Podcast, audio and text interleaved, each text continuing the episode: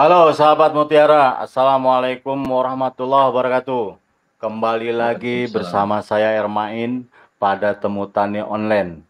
Episode kali ini saya kembali bersama rekan saya yang jauh, yaitu di Sumatera. Jika episode sebelumnya, tiga kali episode yang sebelumnya ini saya bersama dengan Sekuat Mutiara dari Sumatera Barat.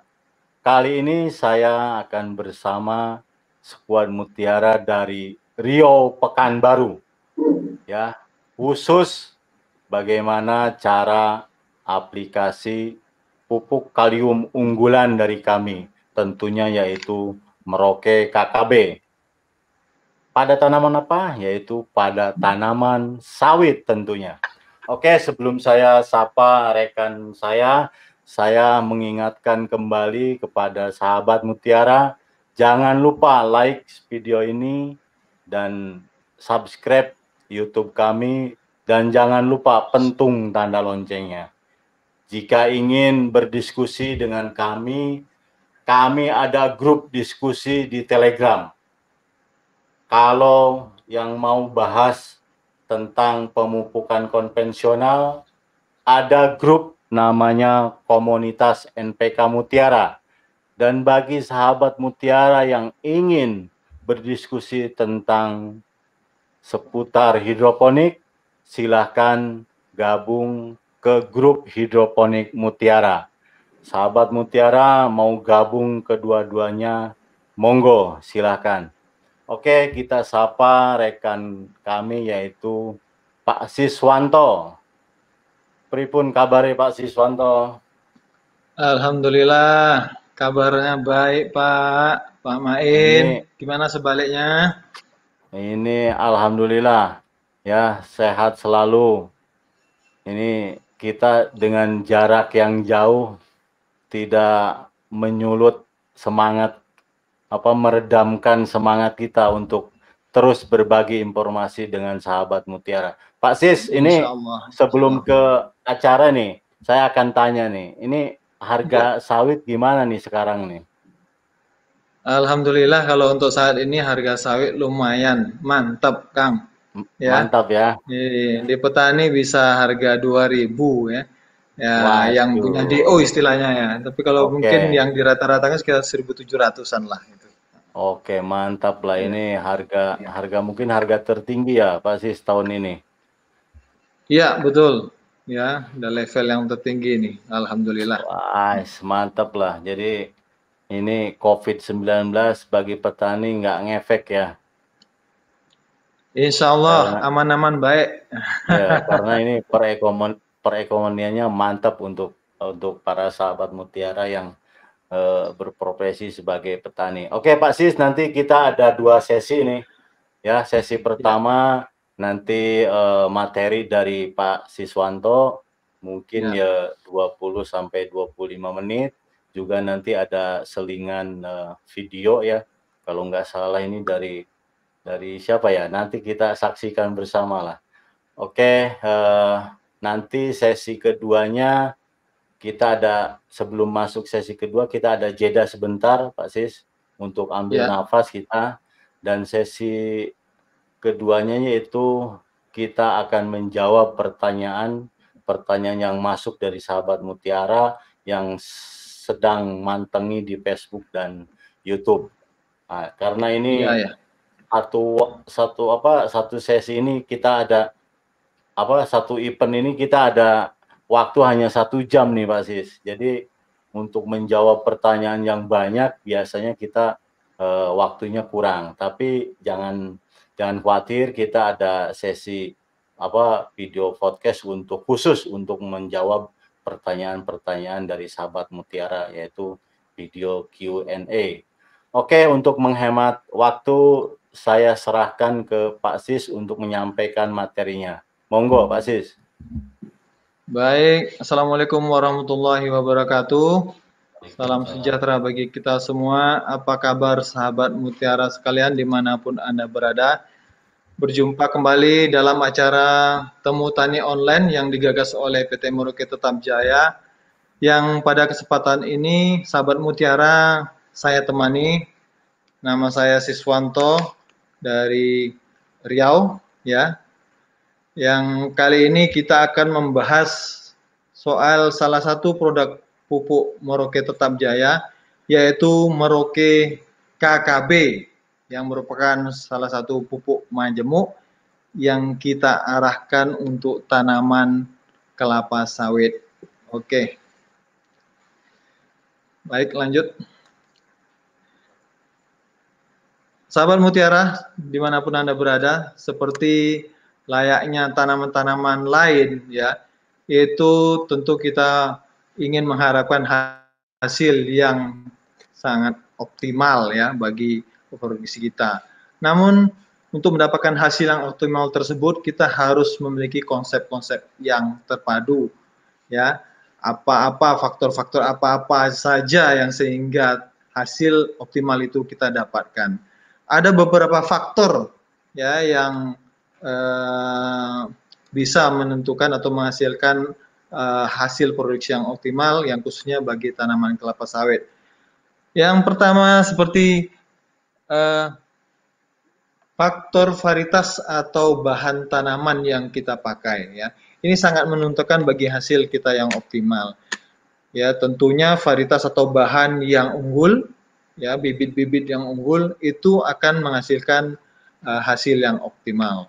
Kemudian uh, segi atau faktor tanah itu juga menentukan ya. Faktor tanah itu ada sifat-sifat fisik tanah, kemudian sifat kimia tanah dan sifat biologi tanah. Ini tentu sebagai seorang pekebun atau petani, khususnya tanaman kelapa sawit, kita harus paham bagaimana kondisi fisik, kimia, dan biologis uh, tanah di kebun kita. Kemudian faktor ketiga itu yang kita harus ketahui adalah dan harus kita uh, pegang itu faktor manajemen.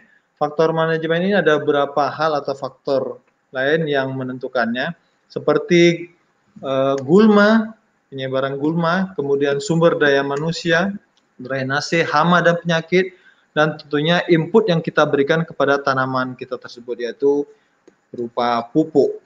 Kemudian faktor yang keempat adalah iklim ya. Iklim yang berupa seperti suhu, curah hujan dan cahaya matahari. Dari keempat faktor ini mungkin tiga itu bisa kita tanggulangi sebagai seorang pekebun atau petani. Namun yang faktor keempat ya ini iklim itu kita serahkan atau kita hanya berserah diri kepada Tuhan yang Maha Esa ya. Curah hujan kalau mau di uh, curahkan hujan sebanyak-banyaknya kita juga hanya tinggal menerima saja ya.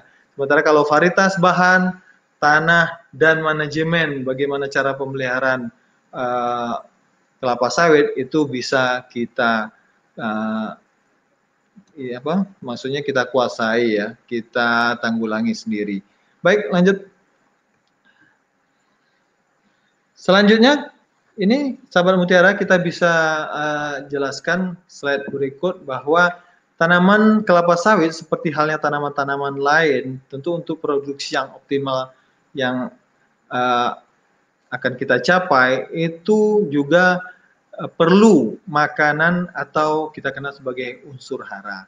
Unsur hara apa tersebut? Kalau kita membagikan golongannya secara garis besar ada dua uh, golongan hara yaitu hara makro dan hara mikro. Ini sesuai golongan besarnya atau banyaknya yang diserap oleh tanaman. Hara makro maksudnya adalah tanaman perlu hara ini dalam jumlah yang besar. Ya, seperti N, P, K, Mg, Ca dan S. Ya, ini tergolong uh, tergolong dalam golongan hara makro. Kemudian ada golongan hara mikro, itu ada Fe, Zn, Cu, B, Mn, Si, Mona, dan Cl. Ini golongan-golongan hara mikro. Kenapa disebut mikro? Karena dibutuhkan oleh tanaman, ya. Ini tanda kutipnya, dibutuhkan oleh tanaman, tapi dalam uh, porsi yang kecil sekali, ya. Untuk tanaman kelapa sawit, biasanya di kebun kelapa sawit itu, itu hara-hara yang biasa diperlukan bagi tanaman adalah unsur hara Cu, Zn, dan B. Ya, Oke.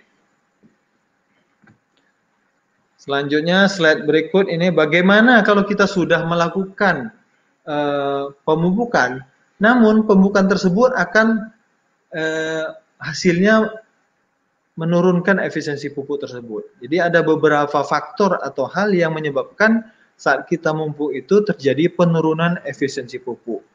Hal-hal yang membuat terjadinya penurunan efisiensi pupuk dapat kita eh, terangkan sebagai berikut ya seperti slide yang sahabat Mutiara nampak ya lihat di layar yaitu kalau kita kenal ada beberapa seperti empat tepat ya seandainya empat tepat ini tidak tepat kita lakukan tentu akan mengakibatkan penurunan efisiensi pupuk ya seperti tepat dosis ya dosis atau hara ya hara yang tidak seimbang itu akan menurunkan efisiensi pupuk. Kemudian tepat eh, penempatannya ya, tepat-tepat, tepat tempat ya. Kalau tidak tepat dalam cara penempatannya ya pada tanaman itu tentu akan menurunkan efisiensi pupuk juga.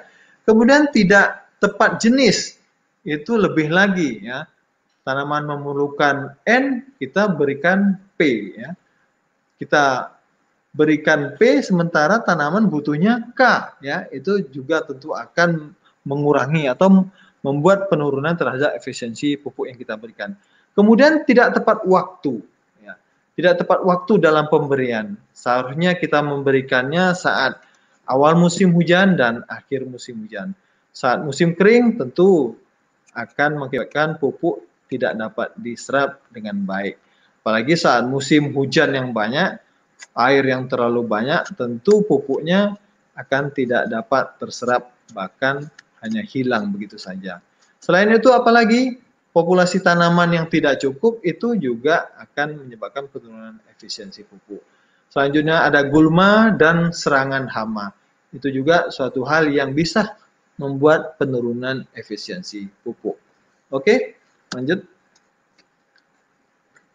Sahabat Mutiara, ini mungkin uh, sahabat Mutiara sudah tahu slide berikut ini adalah menggambarkan bagaimana pola pertumbuhan tanaman kelapa sawit mulai dari pembibitan, tanaman belum menghasilkan sampai tanaman menghasilkan atau produksi hingga tanaman yang dengan produksi yang menurun atau tanaman tua.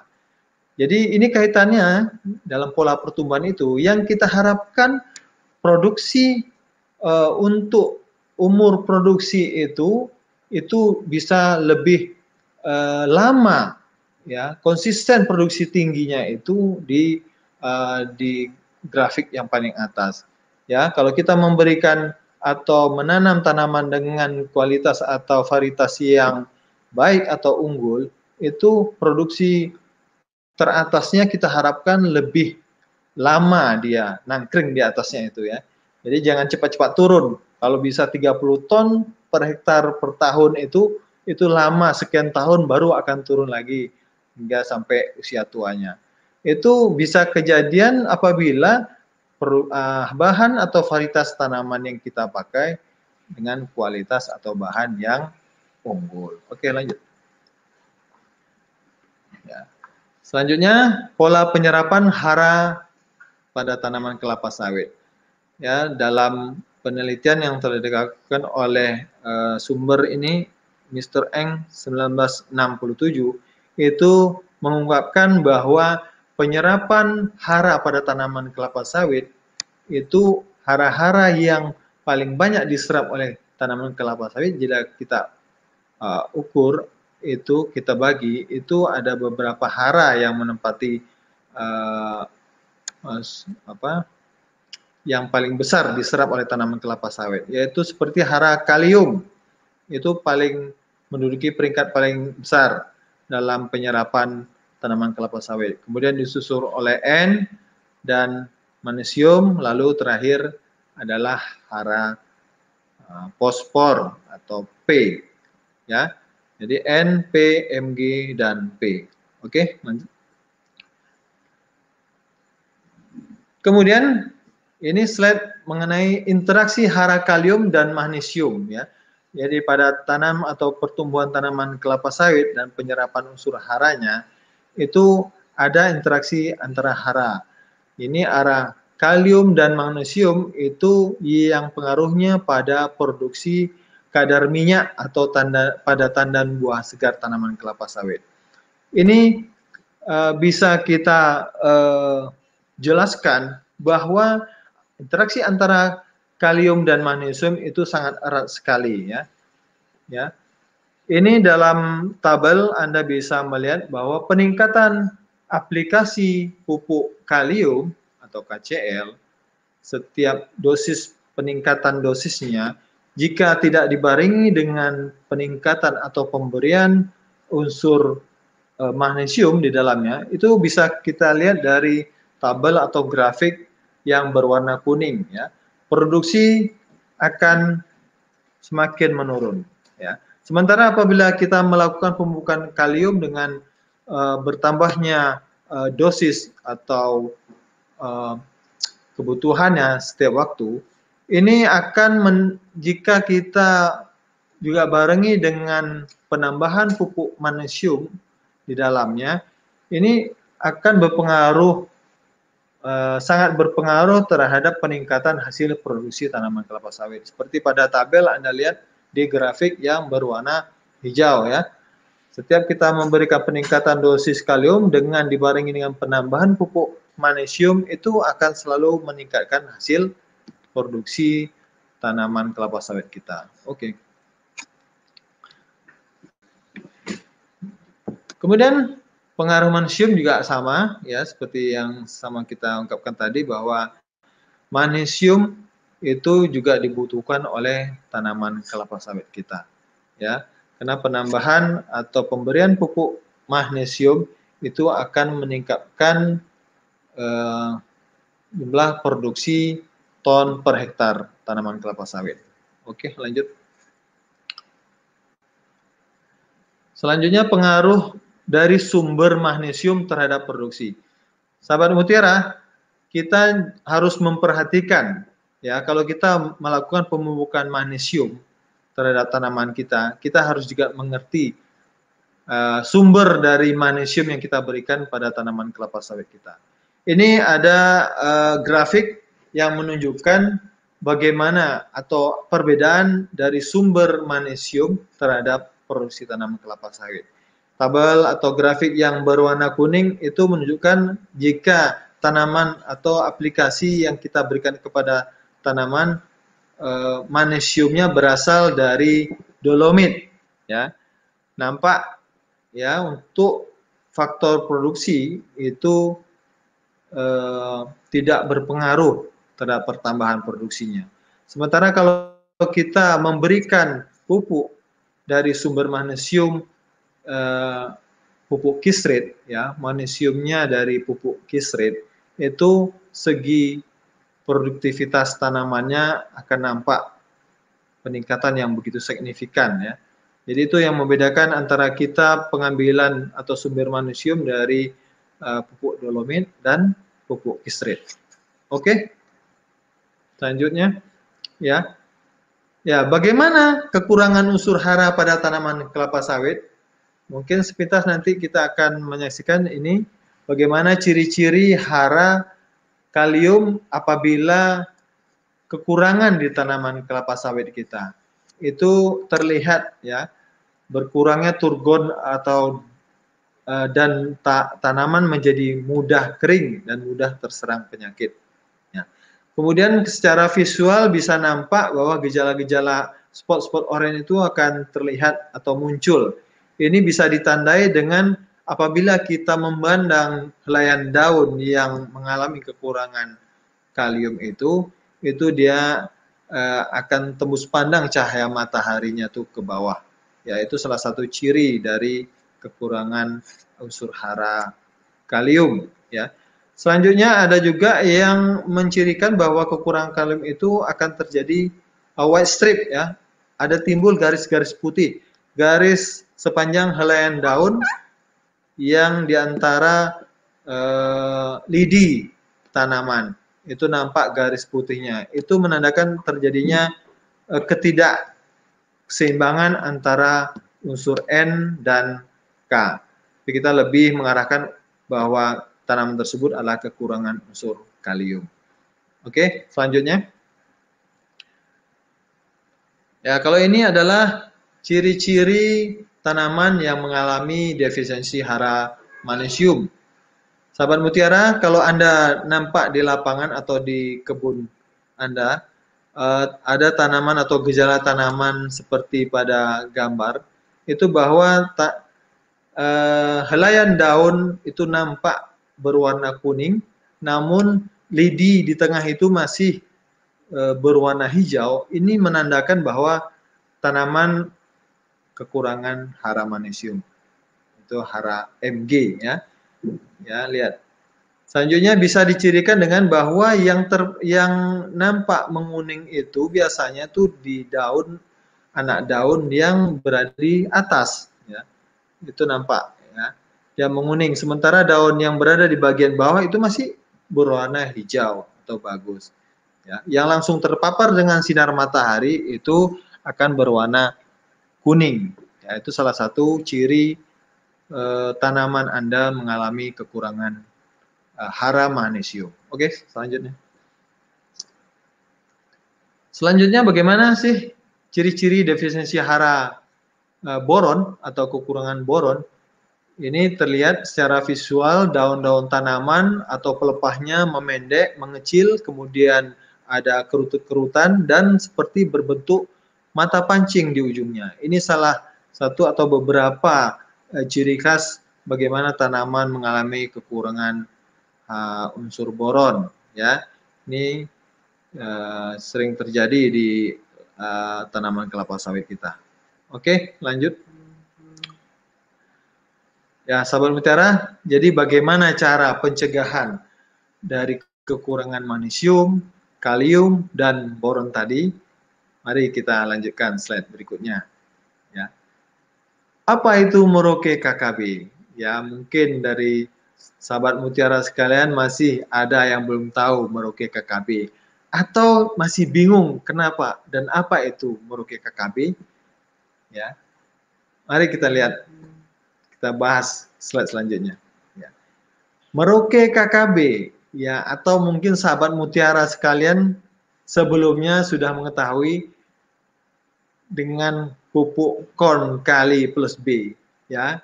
Jadi sebelumnya itu pupuk kita namanya pupuk korn kali plus B. Sekarang berubah nama namanya Merauke KKB. Mungkin sahabat mutiara yang sudah pernah menggunakannya uh, untuk saat ini mungkin masih bernama uh, pupuk korn kali plus B. Selanjutnya itu akan berubah nama menjadi Merauke KKB seperti nampak di gambarnya di slide uh, kita yang sedang tayang ini. Baik, pupuk Kang Merauke KKB ini adalah uh, mempunyai komposisi atau kandungan hara 40% K2O, 6% MgO, kemudian 4% sulfur dan 0,8% boron ya atau B2O3. Oke, lanjut. Nah, ini bagaimana kemudahan atau uh, kegunaan yang diberikan oleh Merauke KKB pada sahabat mutiara sekalian yang mempunyai tanaman kelapa sawit bahwa Merauke KKB itu bisa menggantikan atau dapat menggantikan pupuk KCl kita, kemudian kisrit dan boron ya. Jadi pupuk Merauke KKB merupakan pupuk majemuk tapi bukan majemuk NPK ya. Masih pupuk majemuk K, Mg dan B. Sehingga kita masih perlu menambahkan unsur N dan P di dalamnya ya. Jadi N dapat Anda kita pilih dari sumber uh, banyak ya seperti Orea dan ZA karena Indonesia juga penghasil Orea jadi kita lebih murah mendapatkan N-nya. Kemudian kita bisa memilih unsur P dari uh, sumber fosfat seperti rock fosfat dan TSP ya. Itu bisa kita pilih sumber P-nya dari uh, dua pupuk tersebut. Kemudian mereka KKB itu melengkapi uh, kebutuhan kalium, magnesium dan boron dengan kondisi rasio yang sudah pas. Ya. Rasio antara K dan MB-nya sudah cocok, ya. Jadi tidak uh, salah satunya itu tidak menjadi uh, antagonis ya di dalamnya. Kemudian pupuk Merauke KKB itu ya berasal dari bahan-bahan K-nya berasal dari KCl Jerman, kemudian dari Solumak sebagai kistriknya atau MG-nya dan dari boron untuk uh, hara B-nya yang tentu menjamin dalam pemerataan saat kita melakukan penyebaran atau aplikasi pupuk. Oke, lanjut. Jadi Merauke KKB itu akan menyediakan atau melengkapi kebutuhan unsur hara kalium, magnesium, boron dengan rasio ideal bagi tanaman kelapa sawit. Uh, sahabat mutiara sekalian. Ya, kalau kita melihat perbandingan aplikasi pupuknya, itu secara umum aplikasi pupuk dalam setahun itu bisa kita uh, ya kita kalikan seperti ini ya sekitar 7 sampai 8 kali pemupukan ya secara umum itu. Dua kali N dua kali K kemudian satu TSP P ya satu kali magnesium dan satu kali boron. Sementara kalau kita melakukan aplikasi dengan Murke KKB itu lebih menghemat eh, aplikasi pemupukannya ya. Bisa hanya lima kali aplikasi pemupukan sehingga kita bisa menghemat 2 sampai tiga kali uh, aplikasi pemupukan di lapangan. Tentu akan menghemat tenaga kerja dan waktu kerja kita. Oke, lanjut. Ya, ini salah satu kesetaraan haranya apabila kita melakukan pemupukan 6 kilo Merauke KKB itu sama halnya atau setara dengan kita melakukan pemupukan KCL sebanyak 4 kilo, kemudian Solomax sebanyak 1,3 kilo dan borak sebanyak 100 gram ya. Oke, ya seperti uh, lanjut. Nah, ini perbandingan aplikasi pupuknya bisa sahabat mutiara sekalian lihat bahwa kalau kita melakukan pemupukan Merauke KKB ya sebagai contoh sebanyak 4,5 kg per pokok per tahun itu sama halnya kita sudah memupuk KCL sebanyak 3 kilo, kemudian Solumax sebanyak 1,04 kilo dan borat sebanyak 0,08 kilo ya. Jadi ini perbandingan atau kesetaraan haranya yang bisa kita lihat dalam tabel ya. Jadi nggak usah susah-susah kita memupuk pupuk tunggal lagi dengan Merauke KKB itu sudah mewakili pemupukan KCL, Solumax dan borat. Oke, lanjut. Nah, ini seperti ini. Jadi pengaplikasian 5 sampai 6 kg Merauke KKB per pohon akan bila kita bagi dalam 2 sampai 3 kali aplikasi per tahun itu bisa mencukupi kebutuhan K, Mg dan boron pada tanaman kelapa sawit Anda. Oke. Ya. Kalau kita bisa simpulkan, sahabat mutiara sekalian, bahwa kelebihan dan uh, keuntungan dalam kita melakukan aplikasi Merauke KKB, bahwa Merauke KKB itu bisa cocok untuk semua TV dan kondisi pH tanah. Ya.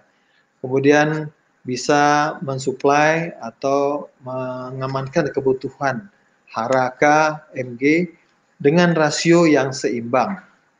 Kemudian mengandung juga unsur S dan mengandung uh, hara B ya. Cocok dicampur dengan pupuk dengan kandungan hara N dan P bila diperlukan. Atau tidak ya kalau kalau tidak ya kita harus memilih N atau P dari pupuk tunggal lainnya. Kemudian hara akan lebih efisien diserap oleh tanaman dan akar tanaman. Kemudian juga kelebihannya menjamin penyebaran hara yang lebih merata bagi tanaman. Ini khususnya untuk hara eh, B ya, seperti pupuk borat itu bila kita aplikasikan di tanaman kelapa sawit itu butuh eh, pemerataannya yang lebih sulit tentunya karena kebutuhannya sangat sedikit. Misalnya hanya 100 gram itu di tanaman kelapa sawit yang sudah produksi itu untuk penyebarannya di piringan tentu kita eh, agak kesulitan ya agar bisa lebih merata. Namun kalau kita memakai atau melakukan aplikasi pupuk meruki KKB, tentu setiap butir yang kita tebarkan itu itu sudah ada kandungan hara boronnya. Akibatnya pemerataan saat kita aplikasi unsur hara B sudah uh, lebih merata ya di sekitar piringan sehingga dapat mudah diserap oleh perakaran. Kemudian pupuk meroke KKB ini juga bisa lebih mudah diaplikasikan dan bisa digunakan secara mekanisasi atau dalam uh, alat yang uh, biasa disebut dengan spreader ya. Ya, oke lanjut. Uh, Oke okay, selanjutnya ini di lapangan ya kita bisa lihat kalau uh, dalam gambar dalam slide kita nampak bahwa pemberian pupuk KKB itu bisa kita lakukan di areal eh, gawangan mati istilahnya ya. Pada penumpukan-penumpukan eh, pelepah yang sudah kita susun di sekeliling eh, tanaman ya. Itu tentu dengan kondisi pelepah-pelepah yang tidak begitu tinggi tumpukannya ya. Sementara pupuk RP atau TSP dan Orea itu masih kita aplikasikan di seputaran uh, piringan. Kenapa pupuk meroke KKB itu bisa kita lakukan aplikasinya di uh, gawan mati atau di tumpukan-tumpukan pelepah? Karena walaupun dia hinggap atau nangkring di pelepah uh, sawit kita, itu dia tidak akan menguap. Beda dengan urea, dia harus bersentuhan langsung dengan tanah. Ya, seandainya dia nangkring pun di ini, KKB ini, dia tidak akan menguap kita tunggu dia sampai jatuh bila sana ada hujan menyentuh dengan tanah dengan perakaran baru dia akan diserap sama tanaman. Ya, tapi jangan coba-coba dilakukan apabila kita melakukan aplikasi urea. Oke, lanjut. Ya.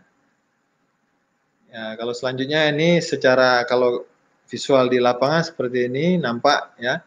Piringan itu kita lakukan pemupukan urea seputaran piringan, kemudian di pinggir piringan kita lakukan aplikasi pemupukan TSP atau RP, dan di gawangan mati ini bisa kita lakukan pemupukan Maroke KKB. Tapi ada memang sebagian petani masih belum percaya ya dengan melakukan pemupukan KKB di atas atau di dalam gawangan mati. Ya. Jadi mereka masih membagi uh, penyebaran atau pengaplikasian pupuk KKB masih di sekitar pinggir piringan terluar ya. Kenapa? Ya sebenarnya di di dalam uh, di bawah-bawah pelepah-pelepah yang sudah mati penumpukan pelepah itu itu sudah banyak terdapat akar-akar yang aktif ya. Akar aktif itu cepat akan menyerap uh, hara yang kita berikan kepadanya. Oke lanjut Oh ya, selanjutnya kayaknya sudah habis.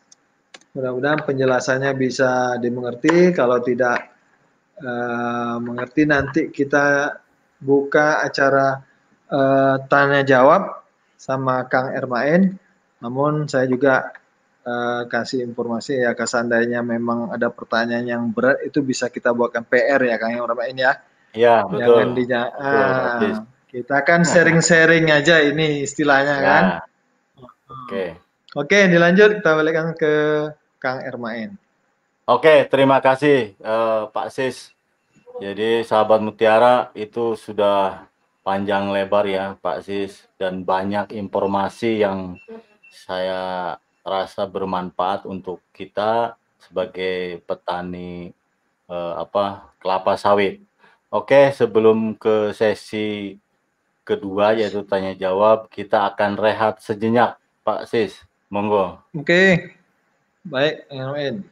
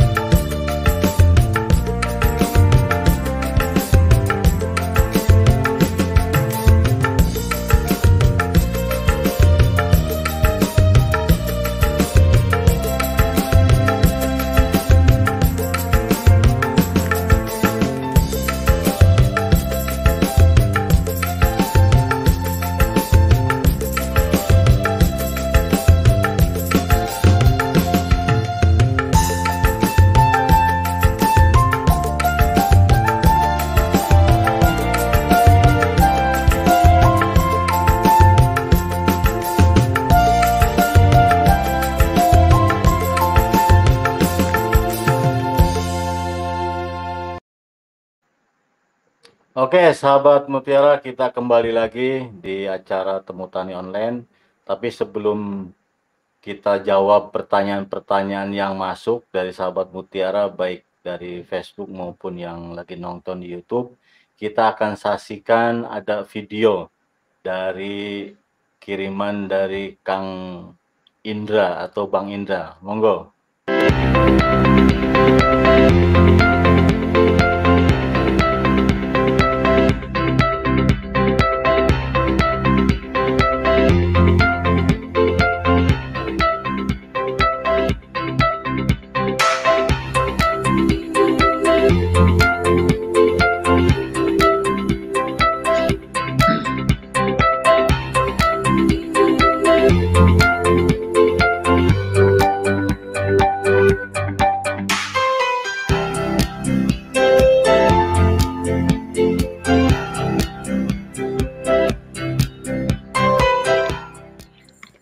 Halo sahabat Mutiara, salam sejahtera untuk kita semua. Bersama saya Indra Jaya Sialagan, agronomis dari PT Merauke Tetap Jaya untuk wilayah kerja Kabupaten Moro Jambi, Provinsi Jambi.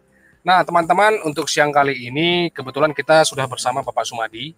Bapak Sumadi ini merupakan petani kelapa sawit yang ada di Kabupaten Moro Jambi, Provinsi Jambi. Tepatnya di desa mana Pak? Desa Trimulya Jaya, Kecamatan Sungai Gelam, Kabupaten Moro Jambi, Provinsi Jambi. Ya, nanti boleh kita sedikit bertanya-tanya Pak ya. Silakan. Oke teman-teman Mutiara, mari saksikan video bersama Bapak Sumadi ini. Bapak sudah berapa lama ini Pak menjadi petani kelapa sawit? Saya menjadi petani kelapa sawit kurang lebih sudah 20 tahun dari tahun 1995 sampai tahun 2020 sekarang. Sudah 20 tahun Pak ya, sudah lama juga ya. Nah alasan Bapak tetap menjadi petani kelapa sawit apa Pak? Alasan saya tetap menjadi petani kelapa sawit yaitu sangat menunjang bagi perekonomian keluarga kami itu bisa menyekolahkan anak sampai tamat dan bisa menjadi kebutuhan yang lain seperti beli kendaraan bermotor dan supaya semuanya tercukupi kebutuhan keluarga kami. Untuk luasan kelapa sawit yang Bapak tanam ada berapa Pak? Luas kebun petani kelapa sawit kami yaitu sekitar 10 hektar yaitu tapi titik tanamnya tidak sama ada yang 8 tahun 9 tahun dan yang paling tua 20 tahun Paling tua 20 tahun, yang paling muda 8 tahun Pak ya. Iya, iya. Nah ini Pak, eh, menurut Bapak pribadi, apa saja Pak yang mempengaruhi dalam keberhasilan berbudidaya kelapa sawit? keberhasilan untuk kebun kelapa sawit itu yaitu cara perawatan kami seperti kita perhatikan rumputnya, pelembapan tanahnya dan terutama cara pemupukannya harus rutin 4 bulan sekali atau dalam setahun 4 kali. Oh, dari memang intinya bahwa pemupukan kelapa sawit memang harus diperhatikan, Pak ya. Iya, Jadi setahun 4 kali. empat kali, ya. Itu pupuknya apa saja, Pak, yang digunakan? Pupuknya yang saya gunakan yaitu MAP Merauke, KKB dan SS. Tiga, Pak ya. Iya. Jadi memang eh, pemupukan ini salah satu faktor ya, salah satu faktor untuk mempengaruhi keberhasilan budidaya tanaman kelapa sawit, Pak ya. Iya. Nah, kemudian ini, Pak, eh, menurut Bapak eh, mana yang lebih efisien, Eh, pemupukan majemuk atau pemupukan tunggal? yang lebih asian ya efisien yaitu pemupukan majemuk yaitu pemupukan majemuk itu sudah unsurnya sudah komplit anunya jadi lebih simpel lebih praktis cara pemupukannya Sudah lengkap, Pak ya. lengkap anu unsur-unsurnya yaitu keduanya magnesiumnya uratnya dan sulfurnya Ya, jadi sudah sudah komplit, Pak ya. Iya, Sudah sesuai dengan kebutuhan. kebutuhan sawit kita Oh ya. Itulah sebabnya kenapa Bapak menggunakan pupuk kron kali ini. Iya. Nah, ini Pak, eh, ini kan Bapak menggunakan pupuk la- pupuk kron kali. Iya. Nah, setelah Bapak menggunakan pupuk kron kali ini, apa Pak yang Bapak rasakan se- sebelum dan sesudahnya? sebelumnya kita menggunakan pupuk tunggal yaitu penghasilannya ya cuman maks- maksimal 9 ton eh, 9 kintal seton lah setelah kita menggunakan pupuk majemuk ini kita bisa meningkat dari yang hasil segitu bisa setahun setengah bisa 18 dalam sekali panen 10 hari. Oh, 10 hari panen Pak ya. Iya. Nah, ini Pak, eh, ada nggak tips untuk eh, petani-petani di sekitar sini, Pak? Untuk petani-petani kelapa sawit pada umumnya di Kecamatan Sungai Gelang itu kita perhatikanlah cara perawatannya itu rumput, pelembapan dan pemupukannya harus kita perhatikan dalam tiap 4 bulan sekali selama satu tahun supaya meningkat produksi kita. Oh ya, jadi memang tips Bapak untuk teman-teman di sekitar memang harus memperhatikan yang namanya pemupukan Pak ya. Iya dan perawatan tersebut. Karena pemupukan ini tidak bisa tidak Iya, dilakukan Pak ya. ya, harus dilaksanakan. Ya, betul, betul, betul. Ya, itu teman-teman eh, beberapa pe- perbincangan kita bersama Bapak Sumadi. Mungkin itu aja wawancara kami dengan beliau. Semoga video ini bisa bermanfaat. Sekian dan terima kasih. Assalamualaikum warahmatullahi wabarakatuh. Salam Mutiara. Terima kasih, Pak.